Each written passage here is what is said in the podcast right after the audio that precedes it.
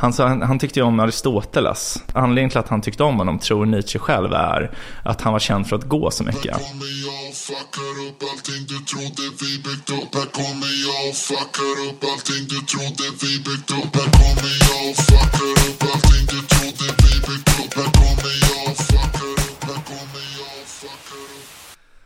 Hej och välkomna till podcasten Om och Men där vi reder ut det ni tycker är krångligt och krånglar till det ni trodde redan var utrett med mig, Vincent Flink Amlenäs. Med mig Beatrice Erkers. Nu är det dags för ännu ett avsnitt.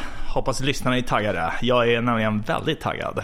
Ja, snyggt. Du, du kom från jobbet för en minut sedan. Ja, exakt. B hade riggat allting och sa bara åt mig att slå mig ner här. Ja. Ja, Så jag börjar här med att fråga vad som har hänt sen sist. Ja, eh, jag har inte tänkt ut ett svar på förhand. Så då är det alltid lite att man måste panikrota i hjärnan efter något Mm. eh, och säga.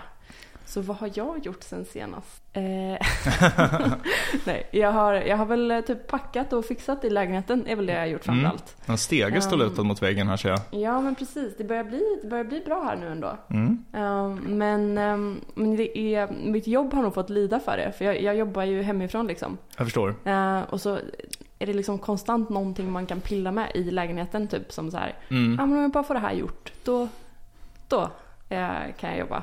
Um, Jag fattar känslan. så det, ja, eh, jag har inte varit duktig på jobbet men jag har fått mycket gjort i lägenheten. Och som sagt, den börjar ändå bli snygg. Så det känns ju bra. Ni har det jättefint verkligen. Stor skärm på väggen ser jag.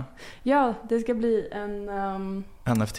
precis, Ja, precis. Just det, en stor skärm som ni ska visa en NFT på som ett konstverk typ. Ja, Ja, vi har ingen, ingen, um, ingen, ingen, ingen tavla vi har valt än så vi får se. ja. Men man kan ju välja lite olika verk där eftersom det är en skärm. Toppen. Mm. Ja men nice. Mm. Nej men det är väl framförallt det. Men det känns Ja. lugnt eller så? Du har väl ett sånt jobb där du kan liksom typ softa ett tag och sen spurta lite mer, jobba lite hårdare än annan. Ja men precis, det, det kommer komma en spurt här nu. Nu har vi en konferens nästa vecka. Så, så då, Då jävlar ska det konfereras. jävlar vad jag ska, Ja. ska jag vara riktigt duktig. Så jag får lite mindre dåligt samvete. Är du utomlands eller? Ja, i eh, England, Oxford. Cool. England. Oh yes, Ska du besöka den här uh, Tolkien-baren? Vad, som vi har pratat om. vad heter den? Bird and Birds Inn eller sånt där? Ingen aning, antagligen inte. Mr Jag, Bird. jag kommer vara ute på, på det här stället ute på eh, landsbygden liksom. Ah, ja, Eh, okej. Så um, man får typ inte lämna det, de är väldigt försiktiga. Um, så ja, jag kommer hänga där hela tiden. Ah, Okej. Uh, ja, vad har du gjort sen senast? Ehm, jag, har, ehm, jag har börjat eh, plugga grekiska. Ooh. Um, Lona och jag, min tjej, vi ska gifta oss i sommar då som du kände till. Mm. Eh, och eh, vi ska åka på smekmånad till eh, Grekland, Ooh. till Peloponnesos. Mm. Även känt som Sparta. Ah, Tycker det är en ganska hardcore grej att åka på smekmånad till Sparta. precis. Eh, riktigt savage. Det känns väldigt hårt ja. Ja, exakt. Men så jag, jag försöker lära mig ny grekiska, alltså ny grekiska nu. Ja. Så att jag kan prata med dem där. ja. Eh, och eh, ja, men typ beställa vin. Be- Beställa grekiskt vin. Ja, typ. Ja. Det, det är liksom lite det jag tänkt ägna mig åt när jag är där. Ja. Dricka vin. Exakt, jag har en kollega som är grek. Eh, Shoutout till Savas Sarkanidis. Han försöker lära mig mycket. Jag tror han lyssnar på vår podd ibland faktiskt. Mm. Ja, särskilt nu när han får en shoutout. Exakt, jag får informera honom om det här. Ja, Ja, det är inte många som får. Nej, inte jättemånga, men samtidigt ganska många ändå. Det börjar ändå närma sig 10 shoutouts skulle jag säga. Ja, jag tycker du, du, du är en ganska frekvent shoutout. En shouter, en, en vrålare som jag kallar mig själv. Ja. Står på visitkortet. Ja. Kan du säga någonting på grekiska då? Ehm, ja, jag har lärt mig beställa vin, det kan jag göra. Ja. Eh, jag kan säga, vänta, hur fan var det man sa? Uh, Tha ithela enapotiri levkokrasi. Är det, beställde du vin nu? Ja, jag vill ha ett glas vitt vin. Ja, snyggt.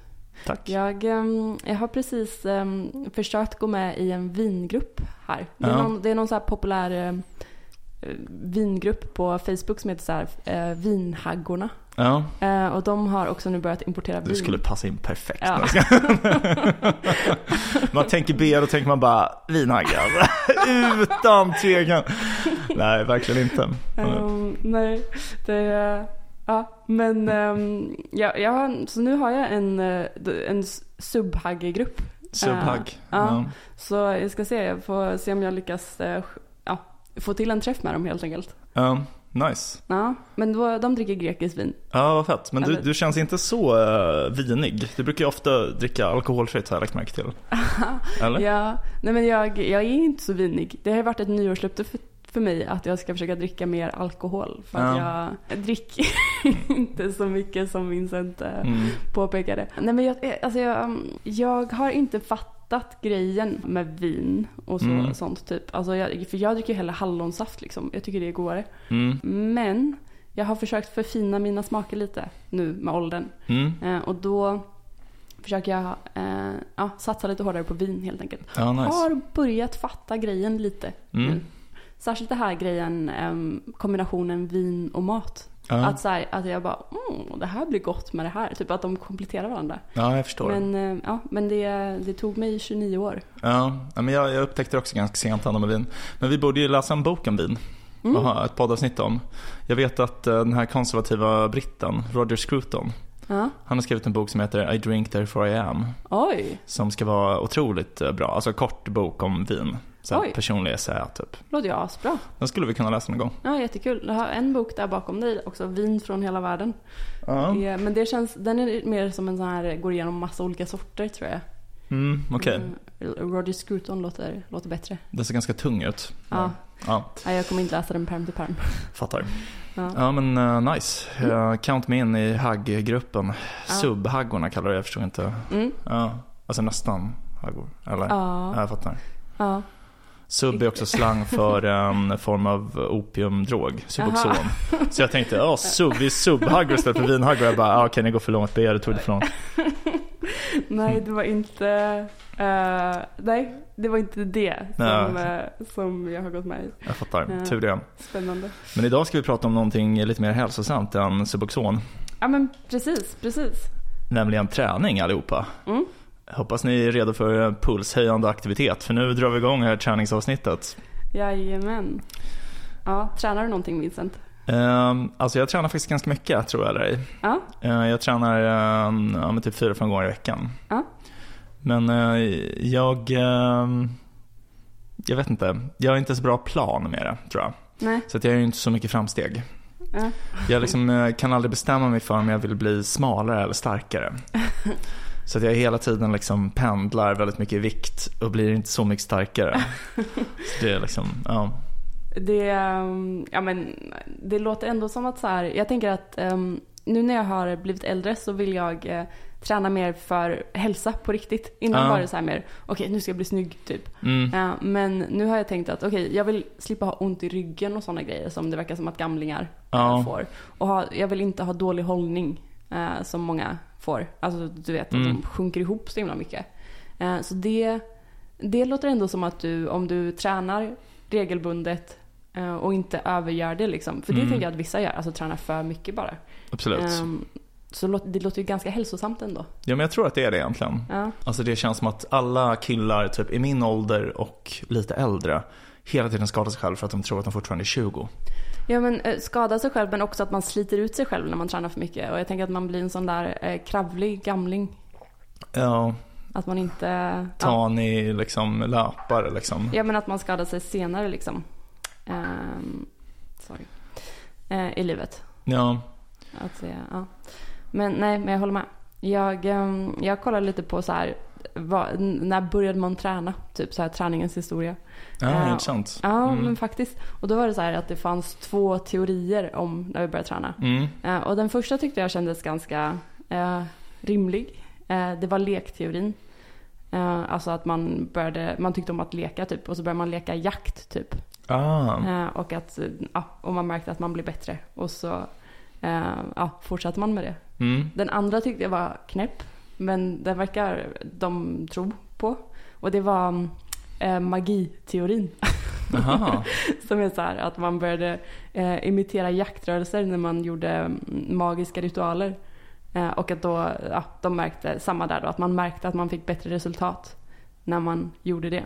Eh, och ehm, ja, då menar de att ja, det, man tror att den teorin stämmer för att många eh, av de idrottsaktiviteter som vi har idag kopplar fortfarande till religiösa riter och ritualer som de olympiska spelen som var en gest för att hylla Zeus från början tydligen. Ja, ja, ja.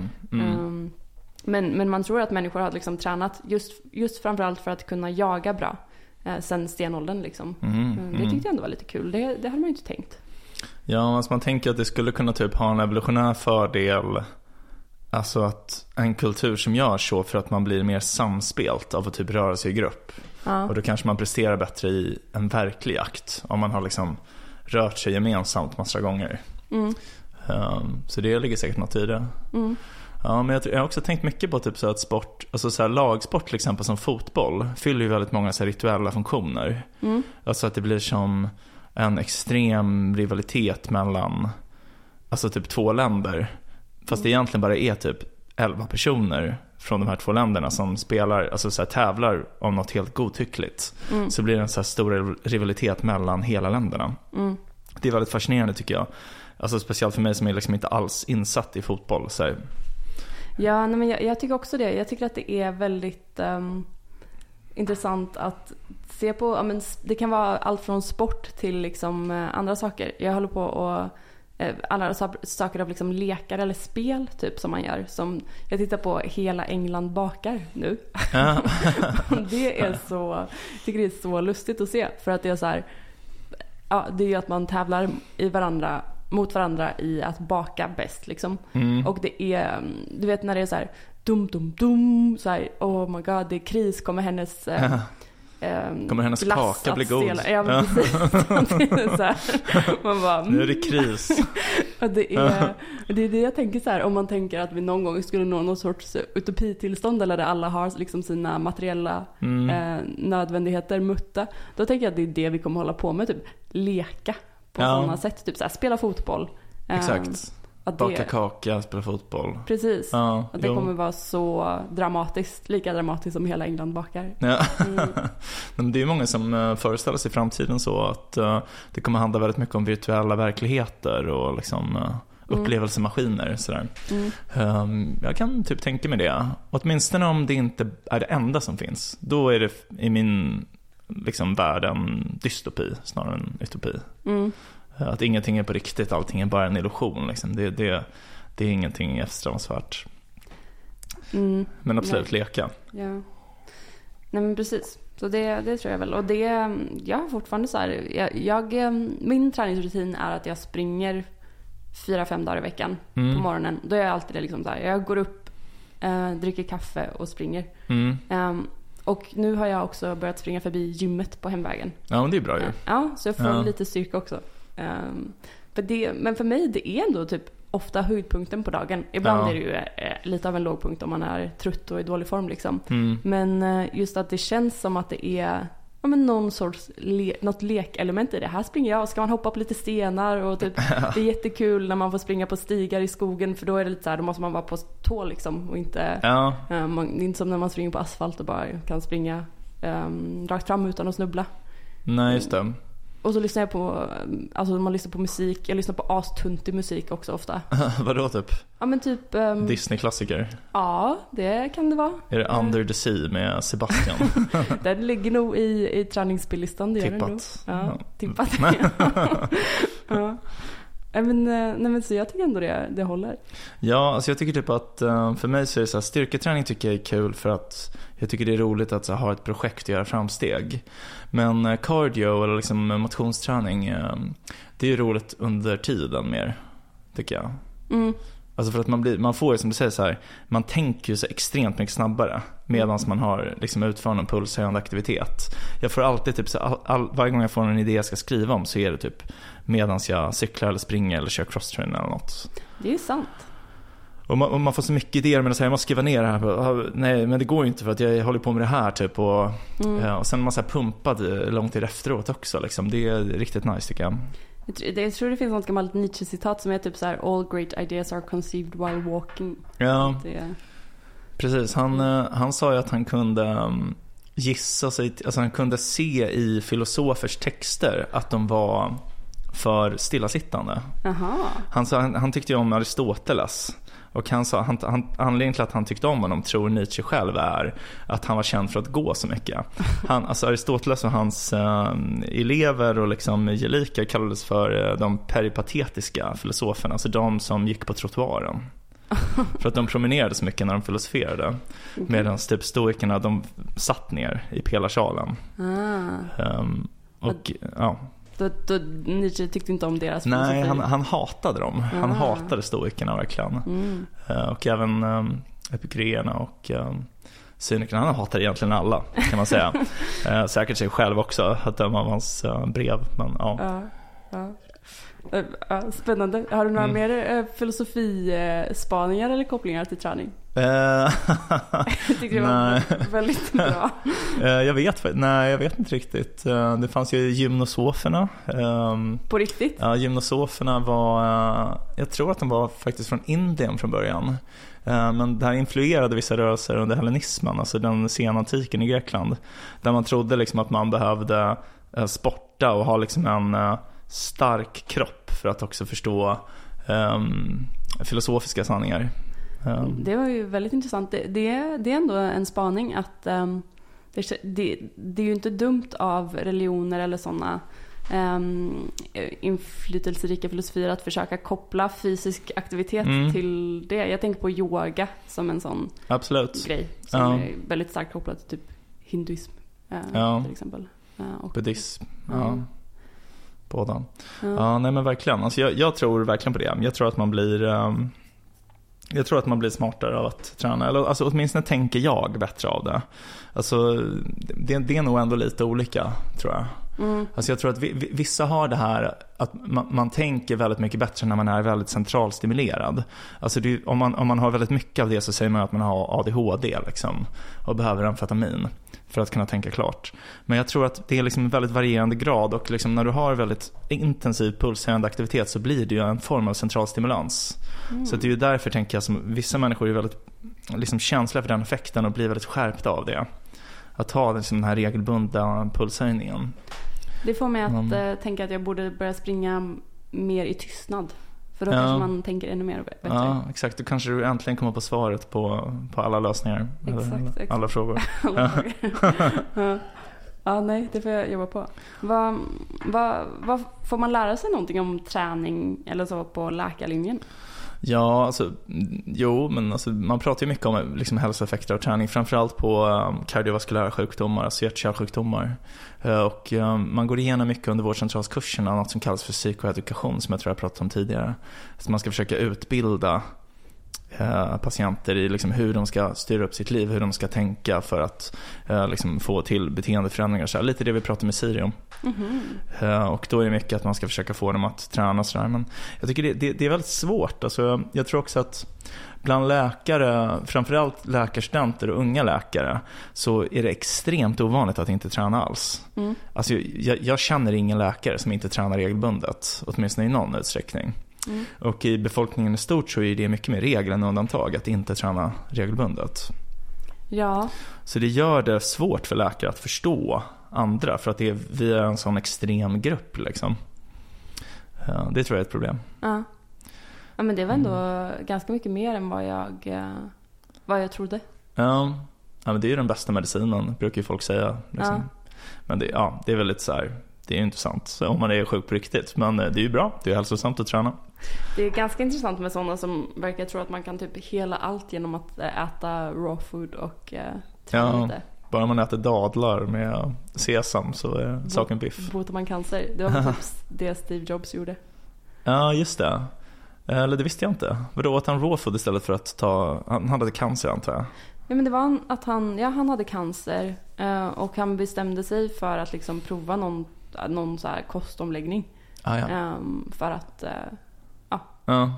bli av med det. Istället för cellgifter då? Ja, Mhm. Ja, det låter ju inte så Mm. smart. nej, Man tänker att han var en väldigt eh, klok man annars. Men det här låter ju inte så klokt. nej. Alltså nu vill jag inte, eh, han, tog, han provade säkert cellgifter också vid något tillfälle. Men att han Mm. liksom, ja, provade olika saker. Jo, Mm. ja intressant. Ja. Nej men man, alltså man kanske borde träna lite oftare. Ja, Framförallt, för- Framförallt tror jag att människor i allmänhet borde göra det mycket oftare. Ja. Det tror jag. Ja, ja det, det, det kanske är så. Jag, jag, tänker, jag tänker att alla typ tränar lite, men det är sant. Det kanske man inte gör. Det är bara i den här bubblan. Men eh, det finns ju också de som tränar för mycket, som Mm. sagt. Eh, Jag tänker på liksom, ja men, ortorexi och den, den eh, belastningen har vissa. Liksom. Att man går för hårt in i att äta för, för lite eller för perfekt typ. Och träna liksom Ja, eh, jättemycket. Och, eller det finns ju jättefarliga hälsorisker med det också. ja. Um, Alltså framförallt så gör det ju en till en väldigt dålig person. ja, Eh, alltså för det, för det har jag också tänkt på att så här, ah, men alltså man har ju träffat genom livet vissa typer som tycker att träning är liksom det enda viktiga och så är det viktigaste, typ fitness och så. Och de, det, det är ju aldrig bra människor, det är ju aldrig intressanta människor som man vill lära känna och prata med. Så här. För Nej. de är så himla inne i sitt.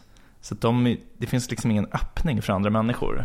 Det, det tycker jag egentligen är viktigare än att folk typ borde träna mer. Så folk borde vara mer intresserade av att bli bättre personer. Det är ju det här som jag pratat om innan. Det tycker jag egentligen är mycket viktigare. Att folk borde vara mer intresserade av självförbättring. Ja, exakt. Socialt. Mm, socialt. Ja, precis. För jag tänker att det är det de tror att de är.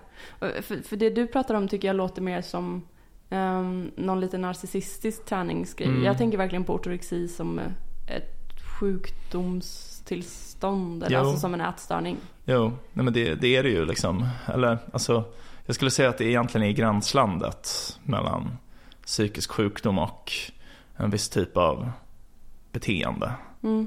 Men, men är Ja. inte alla ätstörningar det då? Jo, absolut. Alltså, men det, det är väl, alltså, anorexi är väl ändå så väldigt mycket närmre psykisk sjukdom tycker jag än, än, än ortorexi. Men, Va- Varför då? ja, men alltså, ortorektiker är ju, det är ju många som är helt normalviktiga. Alltså att det bara är en, egentligen Alltså en, en människa som har exakt samma träningsmönster och äter samma sak kan få en ortorexidiagnos beroende på vilka ehm, motivationer de har liksom, och vilka tankar de har. Så här. Mm. Jag tänker att mer... Um, alltså, ja, jag, jag vet inte om jag i, all, i, i alla fall skulle kalla det för liksom en psykisk sjukdom. Så, men um, men i, i många fall är det säkert så. Mm. Um, ja, Ja men det är en Mm. sån grej som, det är bara ett problem om det är ett problem för dig. ja, precis. Så, ja, ja, men så kanske man kan sammanfatta det. Alltså, jag, jag vet inte, jag tycker också typ att det är, eh, det, eller åtminstone för mig, så har det varit viktigt att tänka mig att det ändå finns en tydlig åtskillnad mellan vissa tillstånd som verkligen är sjukdomar, till exempel om det är psykotisk, alltså typ anorektiker som tänker så här att eh, nej men om jag ehm, äter det här så kommer min familj dö, typ. Alltså så massa bisarra vanföreställningar. Och människor som har liksom ett överdrivet fokus på hälsa och liksom smalhet och så här. För mig är det liksom, de är lika på vissa sätt men samtidigt är de väldigt olika. Mm. Sådär. Ehm, ja, så det var mer så jag menar typ. Mm. Jag vet att jag hade en kompis som var besatt av att säga ett tag att ehm, sitta är det nya röka. Ja, Att, jag känner igen där. ja, Ja. visst känns det som att det var all, all the craze ett tag. Alltså att eh, man Mm. bara, du måste stå upp när du jobbar. ja, absolut. Då får man åderbråck istället. Är det så? Ja. Okej.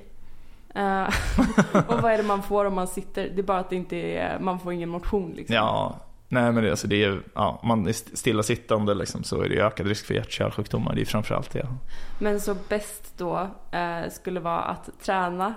Jag springer medan man jobbar. du får inte jobba som tidningsbud. Att, att sitta när man jobbar, Ja. eh, men träna. Typ. ja, jag skulle säga det. Alltså sen kanske det kanske kan vara bra att stå en timme eller två om dagen. Ja. Man behöver inte stå hela dagen. Kan åderbråck vara farligt? Nej, ja, ja, i sällsynta fall. Men eh, nej. Ja.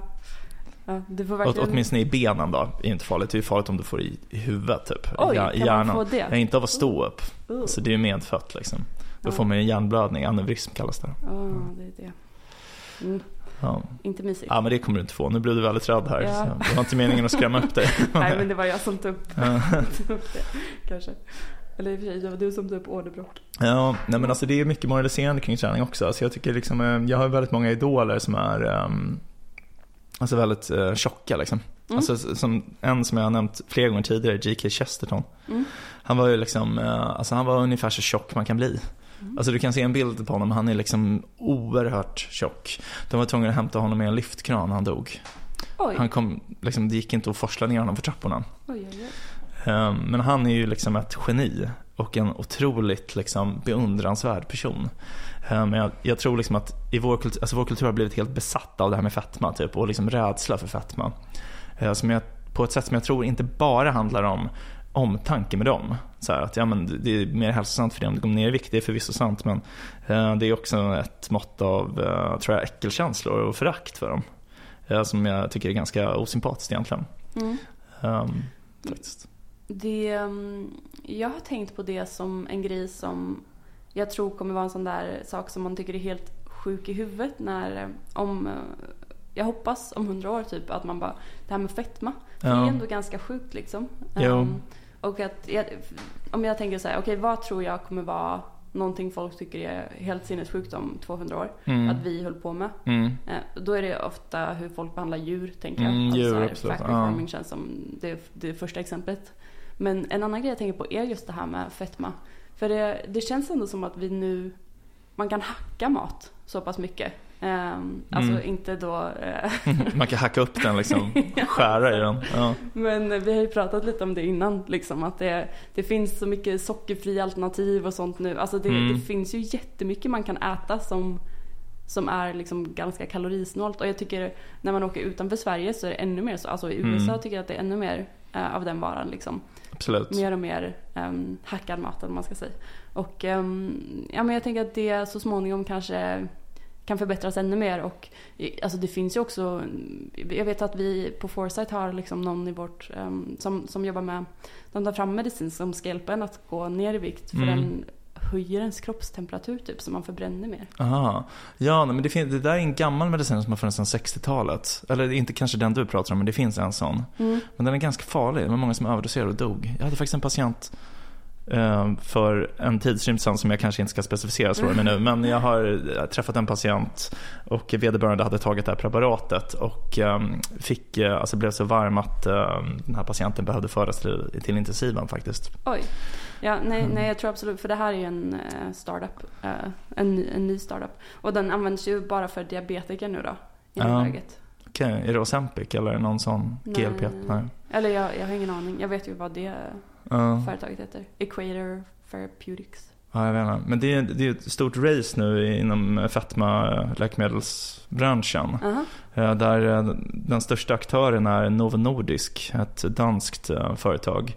Som nu, sen i förrgår och sånt där, är det högst värderade läkemedelsbolaget i hela världen. Mm, är inte det ett av världens största bolag också typ eller något? Eh, största vet jag inte. Alltså de omsätter ju jättemycket mindre än typ Pfizer. Men de är Ja. värderade lite, lite högre än Pfizer nu sedan några dagar.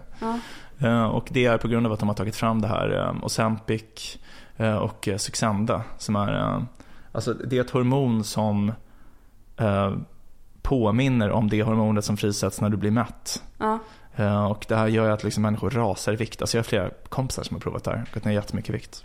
Oj, är det det här som alla kändisar börjar ta? Ja. Alltså diabetesmedicin? Ja, det är det exakt. Ah, spännande. Ja, väldigt bra. Eh, Så, så de, men dina kompisar har alltså tagit det grund- de, för att de har, eller vad, har, har de diabetes, är det en diabetesmedicin? Det är ju en diabetesmedicin. Ja, men man kan skriva ut det mot övervikt också. Jaha, Off-label. Jaha. Eller det finns en, en Suxenda som är eh, liksom on-label där, man ska säga. Den är godkänd för behandling av det. Spännande. Men det fanns risker med det också eller? Eh, ja, alltså jag tror Suxenda har i en väldigt stor studie ett fall av tyroideacancer. Eller om det är Ozempic. Jag tror att det är Suxenda. Men, Eh, men var det inte, är det, man har ju fått mycket kritik om det eftersom det har blivit en sån sociala medier-grej. Mm. Att folk har börjat liksom helt galet, som media pratar om det, försökt få tag i den här medicinen och att då de som faktiskt behöver den, som har diabetes, inte kan få den. Ja, alltså det där är väldigt uh, underligt tycker jag att de inte producerar mer. Det måste ju vara någon reglering eller något. Det kan ju inte vara så att Novo Nordisk bara inte vill Nej. tjäna mer pengar. Alltså för nu har de sagt att de ska bygga nya fabriker som ska vara färdiga först i november och att då kommer man lösa problemet. Mm. Men jag förstår inte varför de inte kan ha kontraktsproduktion, alltså typ att någon annan fabrik, det måste ju finnas fabriker som kan tillverka läkemedel, herregud, Mm. eh, tänker jag.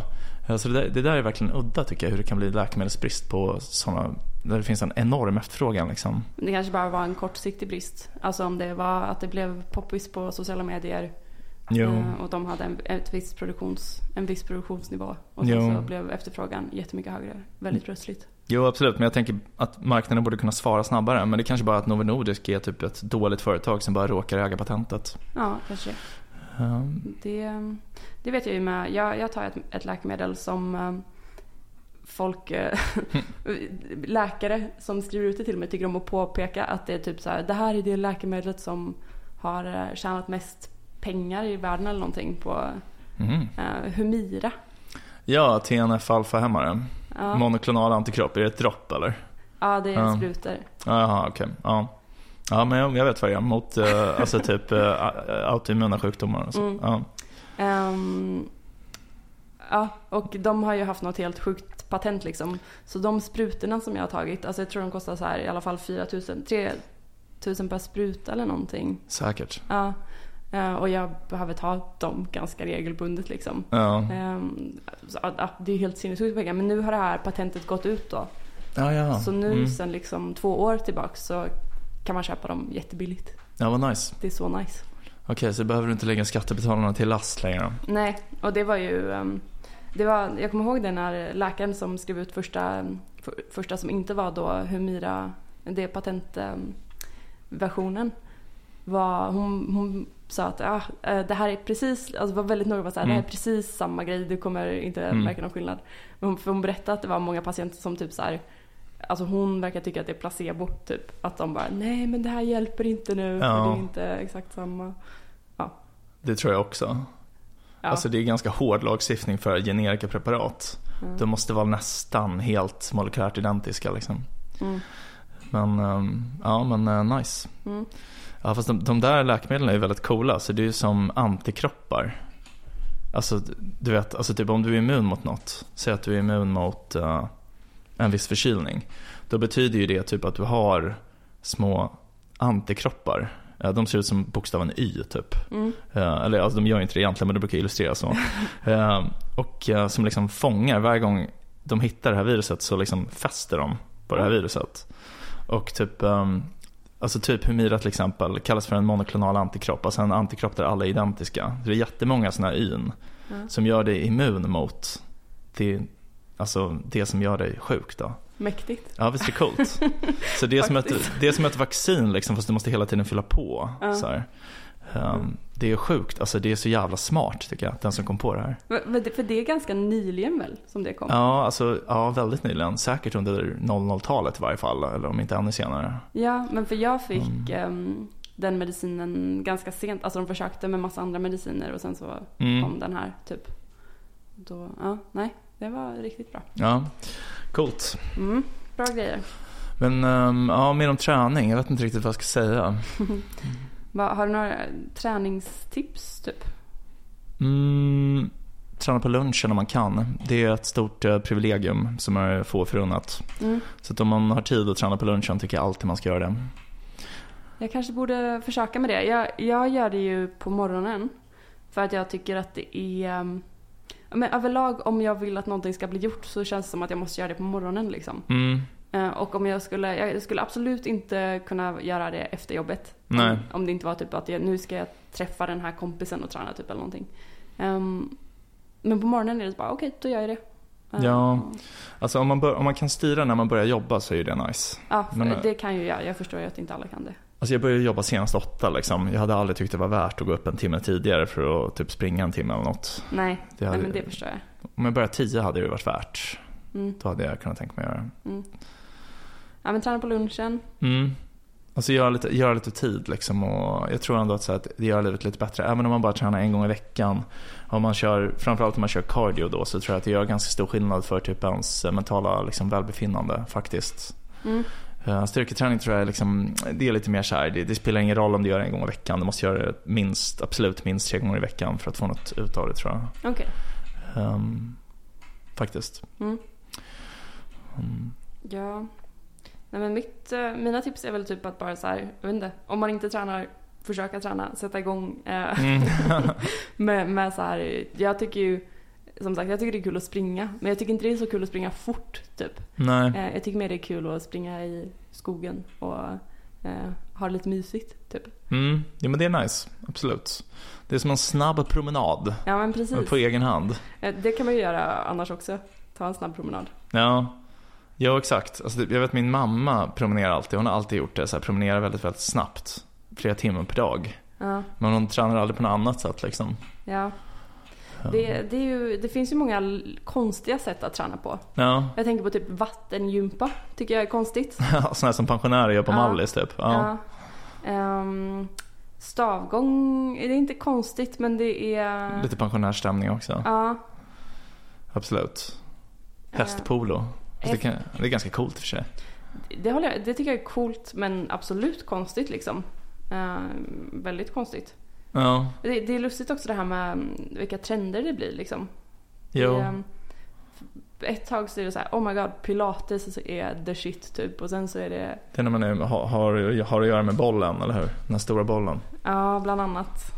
Ehm, lite olika grejer känns det som. Men typ Mm. paddel, vad fan hände där? Liksom? Ja, det är lite deppigt. Varför, varför var det inte bara tennis? Eller var, varför? Ja, eller åtminstone squash. Ja. Alltså jag tänker ten- tennis är ju- det är ju ganska svår sport. Så här. De Ja. flesta som inte är i bra form och inte spelat mycket tennis, det är ju det är ju inte kul att spela tennis för dem. Mm, Men squash kan man ju köra liksom. mm. Paddel är ju för lätt. Väggar åt alla håll liksom. Man kan typ inte missa. Mm, jag tycker ändå jag brukar missa. Eh, Alltså inte missa bollen kanske men att det är att den åker upp eller ur. någonting. Ja, alltså jag har aldrig kört paddel. Så jag vet inte, det kanske är skitsvårt liksom. Det ser lätt ut i varje fall. Ja. Som badminton. Men det var det är den här ehm, det var, Netflix har någon serie som är så här konstiga sporter typ. Mm. Och då kommer jag ihåg framförallt en som är typ som polo, det var någon mo- mongolisk sport. Men man har en get, en död get som boll. Oj, Ja, väldigt barbariskt. Alla, alla galopperar omkring på hästar Jaha. liksom. Och så är det något sorts eh, stort mål i mitten. Eh, Och där i ska man försöka kasta geten. Vad sjukt. ja, så Det låter helt galet. Ja. Ehm, mm. Men jag, jag var väldigt besatt av ultralöpning när jag var yngre. Är det så här dubbelmaraton och sånt? Eller? Ja, allt som är längre än ett maraton räknas som ett uh, ultralopp. Liksom. Ah, ja, okej. Ja. Ehm, så det, det var en sån grej som jag liksom nördade ner mig väldigt mycket och liksom följde de stora ultralöparna och såg dokumentärer om ultralöpare och sådär. Mm. Ja, och tänkte att jag skulle göra mer av det själv men det blev inte så mycket. Nej, rimligt. Det låter stört. Ja men det är en del stört där. Typ så här Death Valley-loppet som är Mm. att man springer, jag tror det är eh, 100 miles eller kanske till och med över 100 miles. Så Hur typ lång är en mile? Typ 1,6 kilometer. Ah, ja, jäklar. Så typ 16 Ja. mil drygt liksom. Fan vad sjukt. Okej, eh, ja. I öknen. Ehm, och en väldigt, väldigt varm öken. Så att ehm, det är, ehm, jag vet att de som tränar för det brukar liksom springa i bastun för att träna för det är så här Oj, 40-50 grader varmt. då måste man ha en stor bastu. Ja, Eller en rund bastu. får sätta in ett löpband. ja, Eh, sjukt. Så så det är lite sjukt och sen så sådana här eh, 24 timmars lopp och 48 timmars lopp och sådana Oj, grejer. Ja. Jag sprang ju ett lopp som var ett 6 timmars lopp. Eh, Så det var ju lite vilt i jämförelse. Då måste du ha hunnit långt ändå, på sex timmar. Ja, Var det ett Eller- drygt maraton eller? ja. Typ fem mil. Typ Ja. exakt ja. ja. Ja. Bra gissat. Starkt. Ja. Ja. Det är en bra tid ändå. Det, men då, sprang man ju runt, runt på en sån här, alltså en friidrottsbana. Mm, Och så två timmar åt ena hållet och sen två timmar åt andra hållet. sjukt. Var det i eh, Sverige? Ja, Skövde. Men, eh, men det, det, sex timmar är ju inte så konstigt. Men 24 timmar, det är ju sjukt. Mm. Och sen så här 48 timmar, 72 timmar. Alltså det finns så sjuka, ja. Ja, men alltså det, jag hade en, en klasskompis när jag pluggade medicin i Uppsala som eh, han, eh, han höll på med såna här ultralopp liksom, och dubbelmaraton. Och han, alltså han tränade såklart hela tiden då. Men han berättade att det som till slut fick honom att sluta, för att när, när han pluggade, när vi träffades, då hade han liksom slutat några år tidigare. Det var att han orkade inte äta så mycket. Alltså han pallade inte äta från morgon till kväll varje dag. Nej. För han var ju tvungen att få i sig liksom 7-8 tusen kalorier varje dag. Ja. För att han var ju ute och sprang liksom Ja, men alltså typ såhär 2-3 mil minst varje dag. Ja. Alltså så, här, så han var ju hela tiden tvungen att äta. Ja, ja sjukt. Det, det problemet har jag aldrig haft. Men eh, för jag, jag vet att ehm, när jag har sprungit uh, lopp de få gånger så har min, min tränare som jag hade då sa att jag skulle äta var 20 minut, äta någonting litet. Ah, ja. mm. Jag tyckte det var asnice. Så här, att man, åh, nu behöver jag bara jogga på i 20 minuter till, sen får jag äta choklad.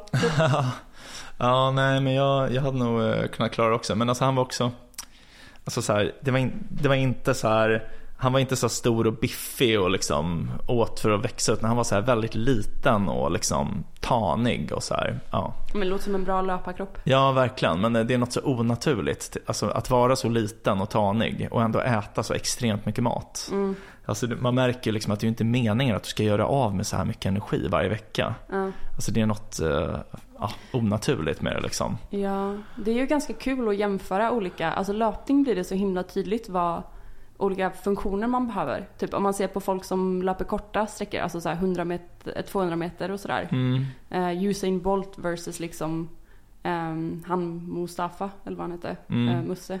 Att det är, om man springer maraton så behöver man vara liksom väga så lite som möjligt typ. Ja, typ, alltså vara ja. lätt liksom. Um, Medan kortare löppass, eller vad man säger, de behöver vara explosiva. Och då Mm. behöver man vara väldigt liksom muskler. Mm. Man blir lite snyggare av eh, kortdistans onekligen. Ja, nej de är, de är snygga. Ja, coolt. Jag tror också att det är liksom en fetare känsla att vara så extremt snabb som eh, Bolt. Ja. Än att vara liksom en långdistanslöpare och bara alltid vara hungrig och svag och typ låga testosteronhalter. Det tror jag inte är lika nice känsla så här. Ja, nej, nej på, på många sätt känns det ju lite mindre hälsosamt liksom. Eh, Mm. Det känns som att de sliter ut sina kroppar ganska mycket. Ja, men lite. Men, eh, men jag tror ju att det är en mäktig känsla, annars tänker jag inte att de gör det. Nej, nej absolut. De är väl lite beroende av det där typ. Mm, Det är nog sant. mm, Ja, men träning. Träning jag fan. Vilken jävla grej. ja. Jag lärde mig, eh, jag faktiskt träffade en PT idag. Aha, Eh, och lärde mig om det han kallar proteinregeln. okej. Som var så här, om du inte tränar så ska du, eh, om du väger 60 kilo så behöver du typ 60 gram protein Mm. per dag. Jag har också hört det. Ja, och om du tränar så behöver du typ det dubbla. Alltså det beror såklart på hur hårt du tränar. Ja. Men eh, ja, att det är ganska Mm. stor skillnad i... Alltså det är klart att man överlever men just om man vill ha mer resultat. Mm. Mer bang for the buck eller vad man ska säga. Precis, alltså det där är lite svårt för typ om du, om du styrketränar och vill öka i muskelvolym, alltså inte bara i styrka utan vara större muskler, Mm. då måste du ju dels ligga plus på protein, men det många inte känner till är att du måste också ligga plus allt som allt. Jaha. Alltså så här, det är teoretiskt möjligt att öka i styrka och inte gå upp i vikt med fett också, men i praktiken är det i, alltså i princip omöjligt. Mhm. Eh, För att då måste du ligga liksom på exakt rätt break-off. Och det är svårt att praktiskt liksom... Men du sa, du sa om man, att det är... Kan, menar du att man skulle, kan bli starkare utan att eh, musklerna blir större? Ja, Va? man ökar enerveringen i muskeln. Man ökar antalet nerver som går till muskeln. Det är som du, om du tänker till exempel en um, friidrottare Ja. eh, som hoppar. Typ en trestegare, vi har en kompis till exempel som håller på med tresteg. Ja. Nu är han i och för sig, har tränat mycket annat också så han är ju ändå mycket muskler. Men alltså så här, vanligtvis så trestegare behöver ju vara smala, lätta. Ja. Men de har ju extremt starka muskler. De kan ju Mm. hoppa extremt liksom långt, mycket längre än, än Mm. vad vi skulle kunna. Mm. Och ändå så är deras muskler ungefär lika stora som våra. Och, men hur, hur åstadkommer man det då? Ja, Men det, alltså, man, man, det, alltså det, det är svårt att förklara på ett lätt sätt. Men alltså det, det man kan säga är att ehm, eh, om du lyfter väldigt, väldigt tungt Mm. ehm, och sen väntar länge, återhämtar dig och sen lyfter väldigt, väldigt tungt igen. Mm. eh, då växer musklerna. Mm. Men om du lyf- ly- lyfter liksom ganska tungt men inte så tungt, många repetitioner Mm. och sen inte hinner återhämta dig utan bara fortsätter. Mm. Då är, du mer benägen att bara få enervering till musklerna. Mm. Så att liksom väldigt högintensiv träning leder i större utsträckning till enerveringseffekterna. Det var lärorikt ändå. Det visste jag inte. alltså det är en förenkling men, Ah, men det, här, det här är, det är ändå, någon säger någonting då. Ja. Men, Ehm, men för jag tycker ändå man har hört eh, de instruktionerna ungefär. Typ. mm, Eh, Men jag hade inte fått ihop det så i mitt huvud. Ja, men Det är också många tjejer som inte vill ha stora muskler. Precis. Så att de tänker liksom, ska vi göra så här intervaller och sånt istället? Precis, precis. Um, Ja. Men eh, det, det jag tänker på när du pratar om det är lite, mm, jag, jag kopplar till hästar liksom, när man tränar hästar. ja, intressant. Eh, för där pratar man ju mer skamlöst om, eh, alltså man försöker ju forma dem på ett Ja. annat sätt. än vad man så skulle våga, hur man skulle våga prata om människor. Att det är väldigt mycket så här, om, om du är en dressyrhäst så behöver du ha de här kvaliteterna liksom. Ja, Och man avlar ju verkligen fram olika kvaliteter. jo. Jag tycker allt, alltså allt sånt här med hästar och hundar, det är alltid lite fascistoida tendenser i det. Jag alltid, Det är är alltid tycker jag när man, hör dem prata om liten och het häst och den här hästen är av en excellent stam. Ja men det, det är ett riktigt patriarkat också. Det Ja, är, jag kan tänka mig. det är ju, man pratar ju alltid efter eh, fadernet liksom. Så man Mm. säger att eh, en häst är efter den här, den är efter um, Bellini. Eh, Ja. Och så säger man att den är undan mamman. Undan? Aha. Ja, men man har ingen koll på storstammarna liksom. Aha. Eh, Man har bara koll på hingststammarna. Gud vad intressant, för jag tror att mamman spelar nog större roll för muskeleffekten. Det är ju mitokondrierna kommer ju på mödernet. Men det måste vara Mm. att, ehm, jag, eller jag tror att det är en större effekt att du, som hingst kan du befrukta fler ston. Ja, jaha okej. Medans ett sto kan ju inte föda så många föl under sitt liv. Nej, Särskilt inte om det är ett tävlingssto, då kan du ju inte föda förrän det har tävlat färdigt i princip heller. nej jag fattar. Ja, intressant. Så det är mer liksom en ekonomisk fråga typ att, eller? Ja men också att det är då att man kan säga mer om, om en hingststam. För det Ja. finns, den kanske har hundra avkommor och ett sto kanske har två avkommor. Ja, okej, ja, det är ju jätteskillnad. Ja. Fattar. Så, så i och för sig Mm. så gör det ju lite skillnad att det är ett patriarkat. Eller det lite, ma- makar lite sens liksom att det är ett patriarkat. Mm. Men just det här ehm, sättet man pratar om avlingen är ju väldigt lustig. Att det är Mm. så här, ja men den här hästen är väldigt, eh, ja men som du säger, Mm. het. Ja. Nu, ska vi, nu ska vi para honom med ett, ehm, ett ehm, lugnt sto här. Men, men just där, det är ju, det är ju personlighetsgrejer. Sen är det också liksom rent fysiska grejer. Mm. Typ att eh, den, den har bra gång. Ja. det är en dressyrhäst. Ehm, att den behöver liksom röra sig på ett visst sätt och man jobbar jättemycket för att avla fram liksom exakt de kvaliteterna som man vill. Och ändå så är det ju ganska ofta som det bara så här, nej det här blir inget bra. Nu är det bara haveri. Ja, Ja. Men det säger mycket om så här, hur lite vi vet om genetiken bakom så här, komplexa förmågor. Mm. Det är ju inte som typ när Mendel korsade ärtor liksom. men jag har hört att man har börjat klona hästar. Aha, intressant. Eh, alltså klona tävlingshästar. Ehm, men att de då hade någon sån, de hade liksom en regel eh, som de har tagit bort nu. Men de hade en regel att med klonade hästar så fick man inte eh, man fick inte tävla med dem. Eh, men man kunde klona någon för avling liksom. Mm. Om, det var, om du har en, en framgångsrik eh, hopphäst till exempel Mm. så klonar du den.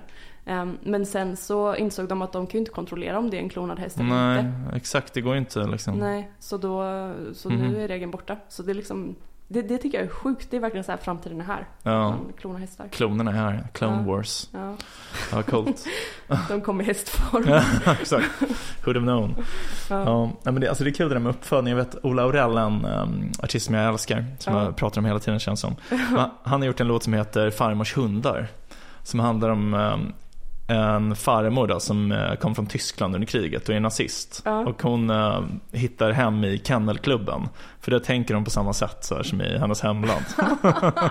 Nej, sjukt. Det är väldigt roligt. Ja. Um, Nej, gud vad sjukt. ja, Det, ehm, vi, eh, vi stöttar inte mänsklig avel. Ska nej, vi göra det statementet? alltså det var ju kanske lite väl brett. Alltså du måste ju ändå få föröka sig människorna. Ja, just det. Men eh, det kanske inte är eugenik eller det, precis. det vi är emot. Vi stöttar inte eugenik. Ja. Nej, men ska vi ehm, kalla det ett avsnitt? Ja, vill absolut. Eh, stäng av podden för guds skull gå och träna. Det behövs. Ja, Du är ur form mannen, eller queen eller vem det nu är som lyssnar. exakt. Ja, Ja men då så, med de orden så får vi tacka för att ni har lyssnat på ännu ett härligt avsnitt av podcasten Om och Men där vi reder ut det ni tycker är krångligt och krånglar till det ni trodde redan var utrett. Nästa vecka kommer vi prata om någonting. Helt sjukt. Jag fuckar upp allting du trodde vi byggt upp. Här kommer jag och fuckar upp allting du trodde vi byggt upp. Här kommer jag och fuckar upp allting du trodde